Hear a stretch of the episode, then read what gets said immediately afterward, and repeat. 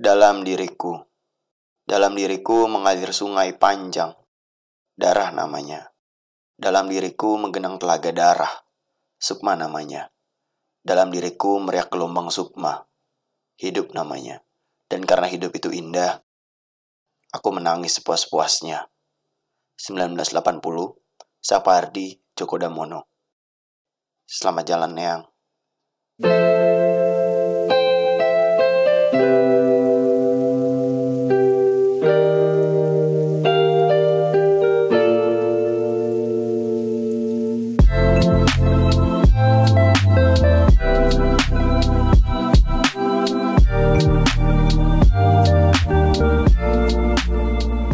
selamat datang ke Sosi Podcast episode ke-16. Paling gampang memang menceramahi orang gitu tentang konsistensi. Gue udah menceramahi orang tentang konsistensi Ternyata gue eh, inkonsistensi pada minggu kemarin Gue gak upload, sorry banget Gue skip minggu kemarin eh, ca- Lagi sibuk banget, lagi padat gitu. Kuliah juga udah mulai ugal-ugalan banget jadwalnya. Dan minggu ini gue masuk akhirnya. Bukan kegiatan belajar sebenarnya, kegiatan praktek. Terus udah dua minggu nih gue tinggal podcastnya. Eh, Gimana kabarnya, apa kabar kalian? Gue ketinggalan banyak hal kayaknya nih. Terjadi dalam, dalam dua minggu ini ren- rentetan peristiwa-peristiwa yang menarik tuh banyak banget lewat gitu. Ini ibaratnya gue tuh kayak Spongebob di rock button tau gak lo Eh, Pas gue lagi lagi pesen tiket terus mobil lewat gitu. Terus pas gue lagi ambil permen terus mobil lewat Lo eh ngapain coba eh, Ulum ini? Udah 20 tahun masih ngomongin Spongebob Gimana opening gue? Gue udah udah pakai opening nih. Terus gue juga mau pindah jam tayang atau jam mengudara apa nih bahasanya? Jam mengudara gara-gara kuliah udah mulai ugal-ugalan terus kerja juga udah mulai anggot-anggotan nih. Gue mau pindah ke hari Senin sebenarnya. Nah ini tuh harusnya di kita harusnya gua record di hari kemarin Senin. Tapi akhirnya gua record di Selasa. Hmm, dua minggu ke belakang ya. Nggak ada kejadian menarik sih Ya biasa aja kerja cuma lagi anggot-anggotan banget ini parah banget. Kuliah juga lagi ujian-ujian gitu. Maksudnya eh, mahasiswa tuh ya kuliah online terus ujian itu. Jadi kayak membentuk tim survei KPU gitu kayak lagi pas pemilu. Nah itu tuh mahasiswa-mahasiswa kuliah online tuh kayak gitu tuh. Pas ujian tuh ada beberapa grup-grup yang membuat survei jawaban. Gitu. Artinya sih maksud gue ada kayak kalau pemilu tuh ada lembaga ini lembaga ini yang mengeluarkan hasil survei. Nah sama kayak kuliah online juga gitu. Ada grup ini grup ini grup ini ya yang ngediskusiin hasil jawaban gitu ada grup-grup eh, survei gitu kalau lagi ujian online tuh. Dan dan dosen tuh ini apa namanya berusaha mencegah itu tapi nggak bisa gitu. Mereka nggak bisa mencegahnya. Iyalah gila kalau kecuali kalau kalau dosennya itu hacker gitu. Dia bisa ngehack webcam lu webcam lu. Contoh di kampus gua gua harus nyentang eh, pernyataan kalau saya mengerjakan ini dengan jujur gitu. Maksudnya di UN aja kita suruh nulis saya mengerjakan ini dengan jujur dengan pensil yang bisa dihapus. Dan ini cuma di checklist doang dengan satu kali klik gitu apaan kejujuran orang di dinilai dengan satu kali klik? Minggu kemarin tuh kejadian menarik apa aja ya? Eh, gua gak ada bahan men sumpah.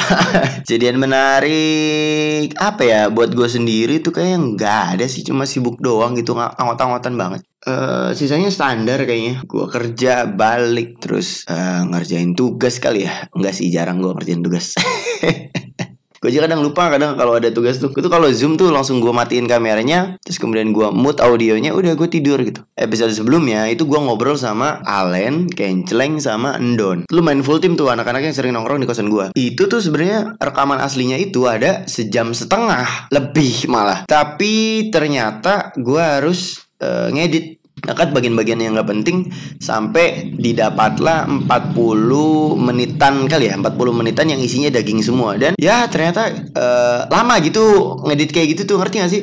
Kayak kasarnya gini lah kalau lu podcast setengah jam lu harus dengerin setengah jam lagi untuk ngedit untuk tahu bagian mana yang harus di-cut kalau setengah jam tuh, nah ini sejam setengah. Artinya gue harus dengerin sejam setengah untuk tahu mana yang harus gue cut gitu. Kerja dua kali, makanya gue tuh bilang di kemarin-kemarin gue bilang kalau nggak gue edit, nggak gue cut, gue langsung upload. Nah, maksudnya kemarin tuh sejam setengah gitu. Dan dan kebanyakan obrolannya ya ngegremeng ngegerem, ngegremeng ke mana-mana gitu, nggak nggak satu tema doang gitu. Ya namanya juga kita amatir kan, maksudnya lu ngarepin apa dari empat orang pemuda yang baru mulai podcast gitu? Enggak juga kan. Terus referensi podcast kita juga be- beda-beda gitu. Ada yang podcast islami, ada yang podcast bola, ada yang podcast serem. Itu tuh gue gue paling anti tuh ngedengerin podcast bareng Alen. Karena Alen tuh selalu ngajak gue bu- buat dengerin podcast eh, apa tuh? Bim Bimoski Bimoski. Aduh malam Jumat Kliwon. Anjir gue openingnya aja udah merinding cuk. Gue bilang ke dia kata dia lu ini kan rame-rame. Iya rame-rame tapi kalau lu pulang anjing gue sendiri di sini goblok kata gue takut gue jadi kemarin dari jam satu jam setengah gue edit jadi 40 menit. Yang artinya it's take a lot of time anjir. Itu tuh makan banyak waktu. Eh gue terjemahin juga akhirnya. Itu makan banyak waktu banget gitu gue dengerin sejam setengah lagi untuk tahu mana yang di cut mana yang enggak. Abis itu gue cut bagian mana mana mana mana ngepasin supaya nggak terlalu awkward eh, supaya nggak terlalu ketara cut cutnya gitu. Dan setelah gue ngangkat ngangkat gue akhirnya sadar gitu kenapa podcast podcast yang lain itu isinya padat dan dan ngalir terus kayak der der der der, gitu. Nggak putus putus topiknya dan nggak berhenti menariknya gitu. Selalu menarik di tiap menitnya. Dan eh, akhirnya gue sadar ya karena mereka juga ngekat ngekat bagian-bagian yang nggak penting ya. Walaupun secara profesional mereka udah menarik gitu. Mereka tahu penggunaan bahasa yang menarik gimana atau mungkin cara ngulik topik yang bagus tuh gimana apa yang harus nggak dibahas. Nah kan masih amatir ya jadi nggak bisa tuh nyampe situ tuh. Jadi butuh effort yang gede banget untuk edit sih menurut gua. Dan skipnya gua kemarin itu eh, karena sibuk juga of course gitu. Itu itu itu alasan klasik lah. Kayak alasan ka- kayak lu nggak jadi pergi gara-gara ketiduran gitu. Ya itu alasan klasik lah. Sama sama kayak kalau gua telat upload atau gua skip jadwal ya karena sibuk gitu. Alasan klasiknya. Terus kita bahas ke mana nih? Dan yang paling menyenangkan dari bikin podcast ya sebenarnya ngotak ngatik Oh iya lupa gua. Gue mau cerita tentang ini. Gue tuh sibuk bukan cuma karena ten, bu- Bukan karena ini doang ya Bukan karena Bukan karena sibuk doang Masalah kerjaan Tapi eh jadi pas awal gue masuk ke kantor gue yang sekarang anjay kantor. Gue nggak enak loh. Kantor gue yang sekarang atau perusahaan gue yang sekarang itu gue di interview dan salah satu poin yang gue tonjolin adalah ke kreativitasan gue gitu. Dan gue ngajuin CV gue atau eh, pencapaian gue kayak gue pernah bikin skrip film atau eh, dulu gue pernah bikin naskah buat apa atau gue bikin prolog buat video apa. Yang gue jual tentang diri gue kreatif sih mostly. Pasti kreatif karena karena ya gue nggak nggak pinter-pinter amat juga gitu. Nah karena kreatif suatu saat pas kan kalau di kantor-kantor biasanya ada event. Event kantor pertama gue itu sebulan setelah gue masuk itu ada lomba board gitu. Gue bersama dua orang lainnya itu diperintahkan untuk ngehias board itu. Jadi boardnya tuh kita hias atau kita konsepin supaya supaya bagus lah. Eh, jadi isinya tentang data statistik departemen kita ya intinya gitulah nah itu tuh harus kita hias sebagaimana rupa sehingga menarik untuk dilihat dan tidak membosankan. Nah itu itu event pertama gue nah eh, setelah akhirnya gua dan dua orang teman gua menghias papan itu dan ternyata kita menang gitu. Dan dan, dan yang karena gue dari awal ngejual kreatifnya yang diinget sama manajernya yang paling kreatif ya gua gitu. Jadi gue dijual-jual tuh ke mana-mana kayak ini nih yang bikin si Ulum ini nih yang bikin si Ulum. Jadi satu kantor atau satu pabrik itu tahu kalau eh, si Ulum tuh kreatif gitu. Jadi kayak ngebentuk branding buat diri gue sendiri di kantor tersebut gitu. Kalau ada urusan-urusan kreatif pokoknya ke Ulum lah ke Ulum lah gitulah. Terus kalau gue sih happy happy aja sebenarnya. Cuma sebenarnya tentang kreatif ini eh, basic gue adalah nulis gitu. Nah gue tuh bagian yang kreatif yang nyusun nyusun nyusun kata atau mungkin eh, ngebuat ngebuat adegan atau ngebuat naskah. Nah kreatif gue tuh bidangnya di mikirin konsep ide gitu loh. Bukan bukan apa ya? Bukan kayak eh gambar gitu loh. Gue nggak bisa gambar, editing. Gue nggak bisa editing gitu. Ah, so-so aja gitu karena dulu gue pernah ikut-ikutan temen bikin film ya ya sekilas-sekilas mah cara ngekat mah gue tau lah. Nah itu yang gue sodorin gitu jadi basic gue tuh sebenarnya nulisnya gitu ngerti gak sih? Kreatifnya tuh di nulisnya. Nah kabarnya setelah setelah gue nama gue dikenal sebagai ulum si kreatif tai banget lagi. Eh, akhirnya beberapa event selanjutnya gue ditunjuk mulu untuk ngehandle semua event-event yang berkaitan dengan kreativitas. Contohnya kayak setelah itu tuh ada kita bikin pertunjukan bikin pertunjukan dari tiap departemen untuk ditampilkan di gathering kantor. Ya gue ditunjuk aja gitu kayak ulum eh, jadi bentar bulan Agustus kita ada gini gini gini. Kamu eh, bikinin deh idenya gini gini. Ya akhirnya gue bikin drama karena itu yang gue bisa gitu dan itu pertama kalinya gue ngedirect sebuah drama gitu. Ya, eh, ya yang which is itu pengalaman yang seru. Minggu kemarin itu gue sih lumayan sibuk gara-gara gue disuruh buat ucapan selamat eh, eh buat buat video eh, memperingati kalau perusahaan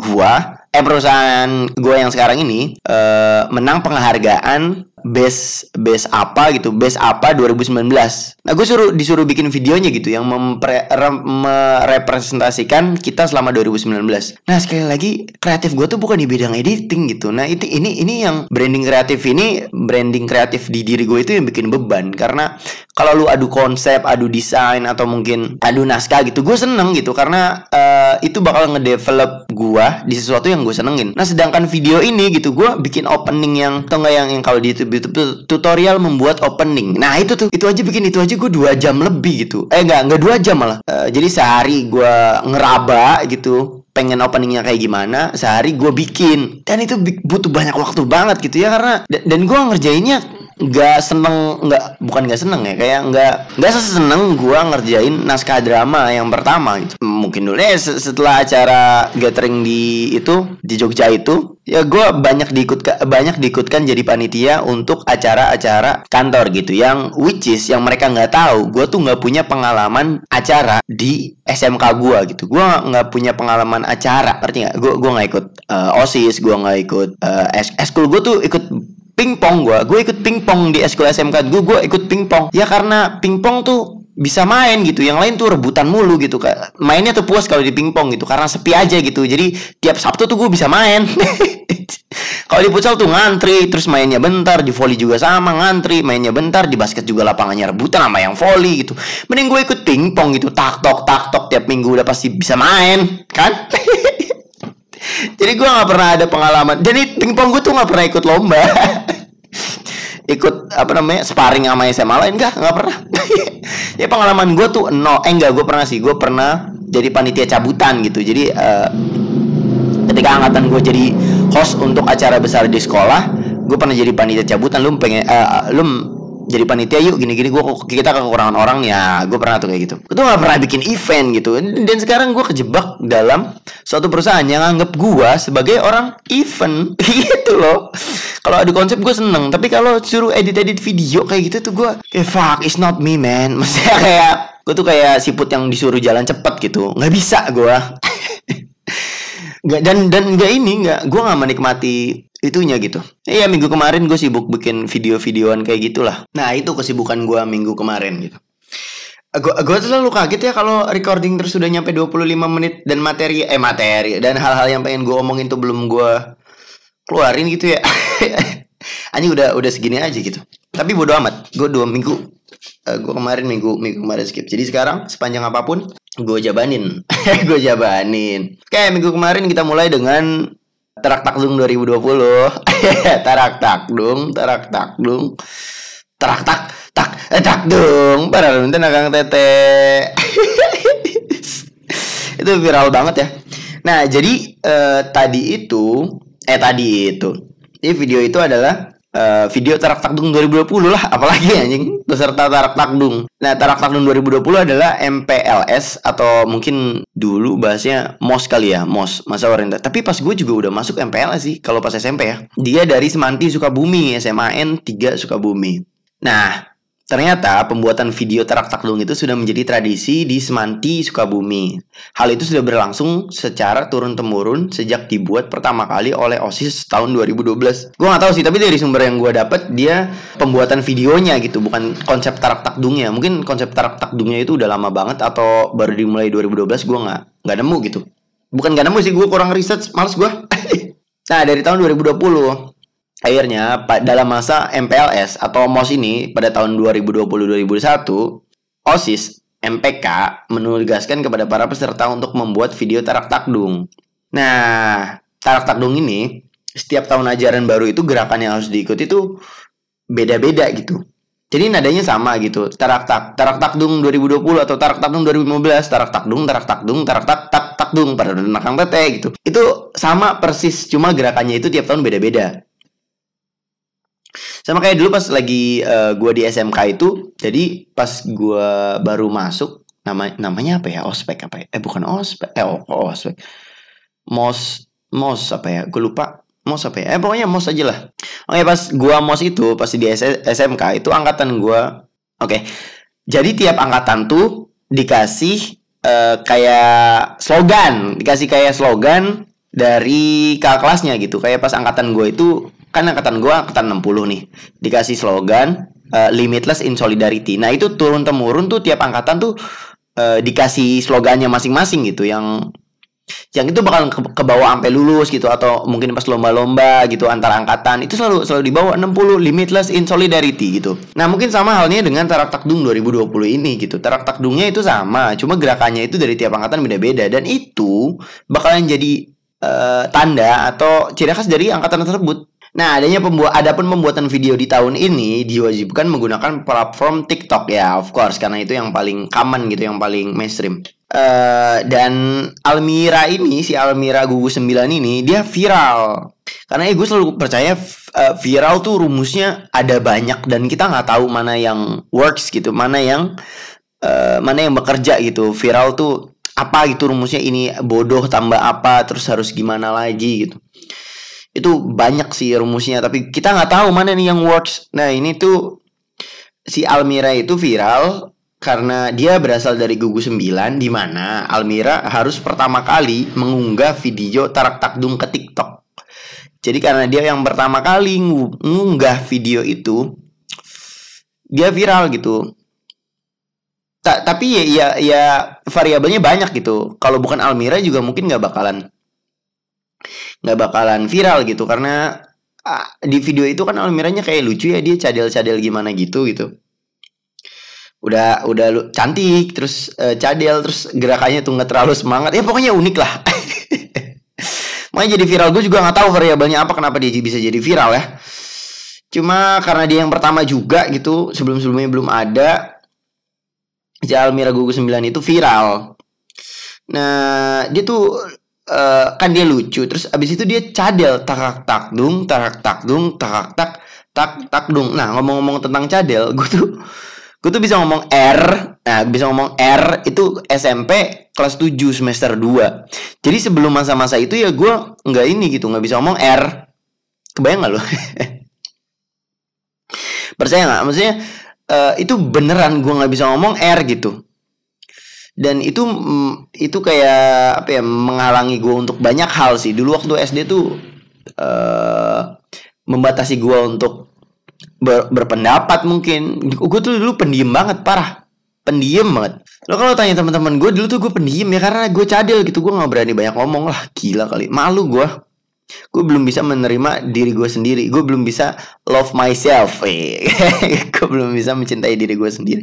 Ya iya anak SD tau apa cuy even dulu tuh gue azan itu itu harus dipaksa-paksa. Eh belajar azan itu harus dipaksa-paksa sama ibu gue ya karena gue seenggak pede itu gitu dengan diri gue sendiri.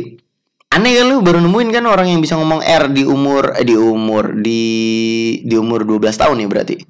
Eh di umur 11 tahun gitu. 12 dong kan semester 2 eh ya di umur 12 tahun gue baru bisa ngomong R. Nah sebelum sebelumnya itu ya gue adalah pemalu gitu Nah mungkin kalau uh, gue tetap nggak bisa ngomong R sampai sekarang gitu, gue mungkin nggak bakalan ada podcast ini atau mungkin gue nggak bakalan uh, seaktif ngomong sama orang gitu.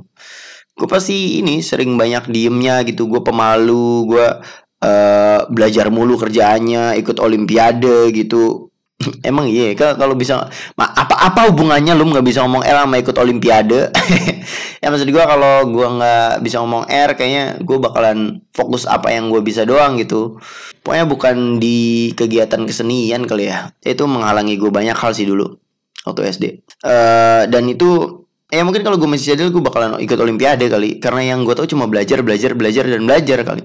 Dan dan gue akhirnya sadar mungkin dulu tuh gue nggak ini nggak karena karena cadel gue pemalu. Dan karena pemalu ya, ya kegiatan gue belajar doang gitu. Nggak nggak banyak bersosialisasi. Gue bakalan jadi nerd yang aneh kali ya. Uh, dan akhirnya gue, gue bisa ngomong R di umur gue yang 12 tahun kelas 7 SMP dulu gue sempet gabung grup grup Facebook anak-anak cadel tuh Jadi dulu pas gue baru bikin Facebook tuh ada grup anak-anak cadel. Dan gue gabung grup itu. Tapi kalau ternyata uh, sekarang nih si Almira itu uh, viral gara-gara dia lucu, terus dia agak-agak cadel gitu. Ternyata cadel tuh aset buat fam kata kata gue. Kalau ternyata cadel aset buat fam, gue mending gak bisa ngomong Erda kayaknya. Tapi karena Almira cantik juga sih. Kalau gue yang upload tarak takdungnya tetap nggak bisa ngomong R ya tetap nggak viral-viral juga gitu.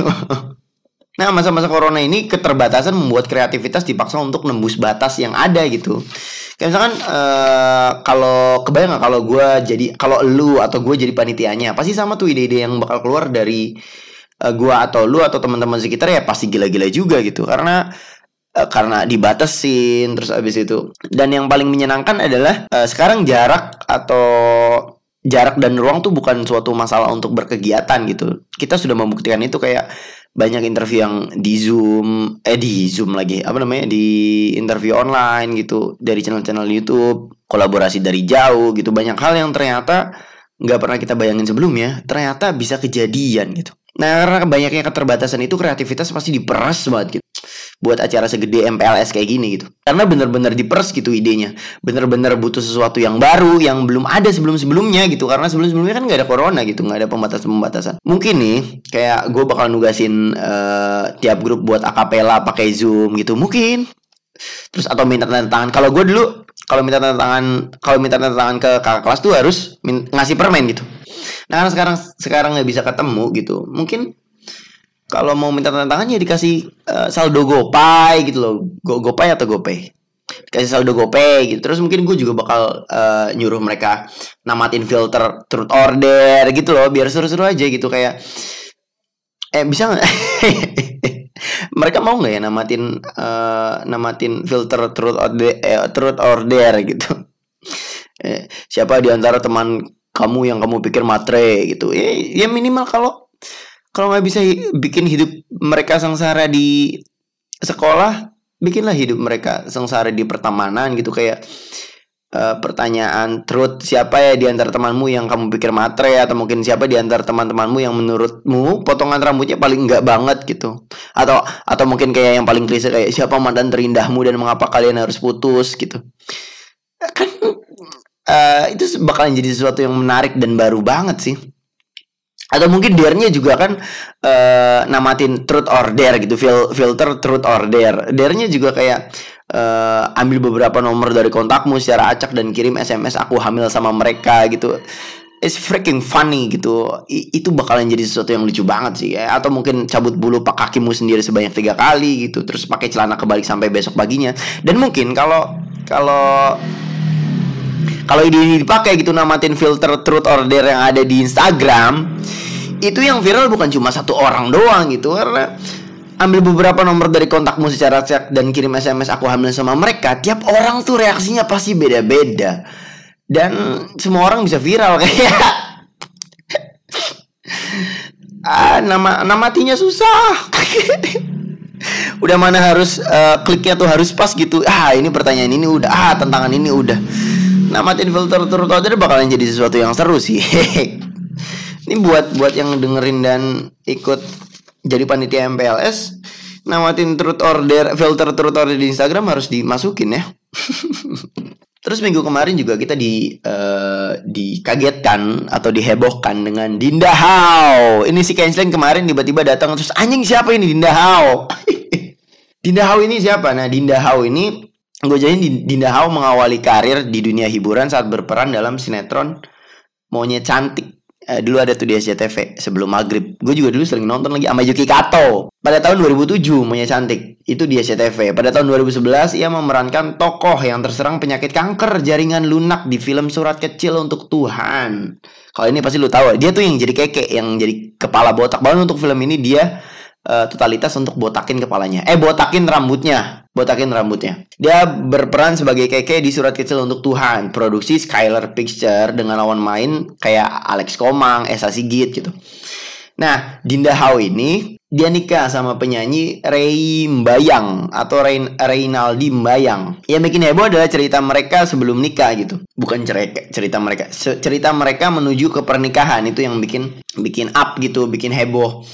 Nah, Dinda dan Ray itu hanya bertemu dua kali dan keduanya sepakat untuk menjalani ta'aruf singkat sebelum yakin untuk menikah. Nah, yang viral juga adalah tentang si Ray-nya itu nge-DM si Dinda. Dia nanya katanya, tipe suami idaman kamu seperti apa ya? Katanya terus si si Ray itu mau memantaskan diri. Tahu gak kenapa itu enak didengar dan kerasa romantis? Ya karena yang ngirim ganteng. orang yang ngirim ganteng gitu. Makanya tipe suami idaman kamu seperti apa ya? Mau memantaskan diri gitu. Eh jadi kesannya romantis dan bagus gitu.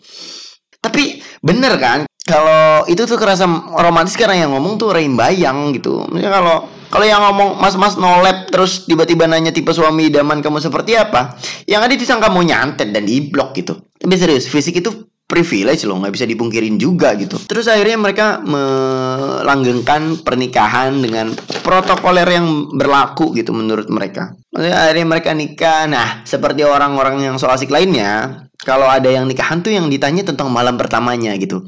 Ini orang-orang tuh nggak cukup so asik doang gitu pakai musik hal-hal yang beginian gitu. Masalah orang orang-orang so asik yang nanya tentang malam pertama itu udah ada dari zaman Raja Namrud gitu, udah basi, nggak usah dibudayakan lagi lah. Ah, anjir, masih udah zaman 2000 udah tahun 2020 masih ada yang nanya tentang malam pertama cie, malam pertamanya gimana nih gitu. Nah, dengan cerdiknya ini mungkin karena insting seorang selebgram nih. Dengan cerdiknya si Dinda Hau ini ngebahas malam pertamanya di Instagram. Nah ini juga Dinda Hau ini warga-warga sipil Raja Namrud apa gimana coba ditanggepin gitu orang-orang yang nanya malam pertama tuh ya. Salah satunya yang dibagikan sama di Dinda Hau itu tentang cerita malam pertama mereka itu dia memperlihatkan aksi sang suami tengah memasak di dapur gitu. Dinda Hau mengakui bukan tipe perempuan yang pandai memasak. Bikin nasi sama mie aja, aku belum bisa, tulisnya di instastory. Karenanya, Reimbayang langsung turun tangan memasak mie untuk istrinya. Apalagi menurut penitiran bintang film Surat Kecil Untuk Tahan ini, mereka tidak memiliki stok makanan matang di rumahnya. Terus kata Dinda Hau, karena nggak ada makanan apa-apa, jadi malam kita pertama kita makan mie instan dulu ya, dimasakin suami katanya gitu. Jadi Dinda Hau nggak bisa masak Indomie. Oke, okay.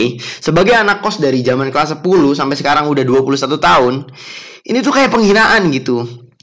Apa di, tang di apa di tanggalan Dinda Hau itu nggak ada akhir bulan gitu.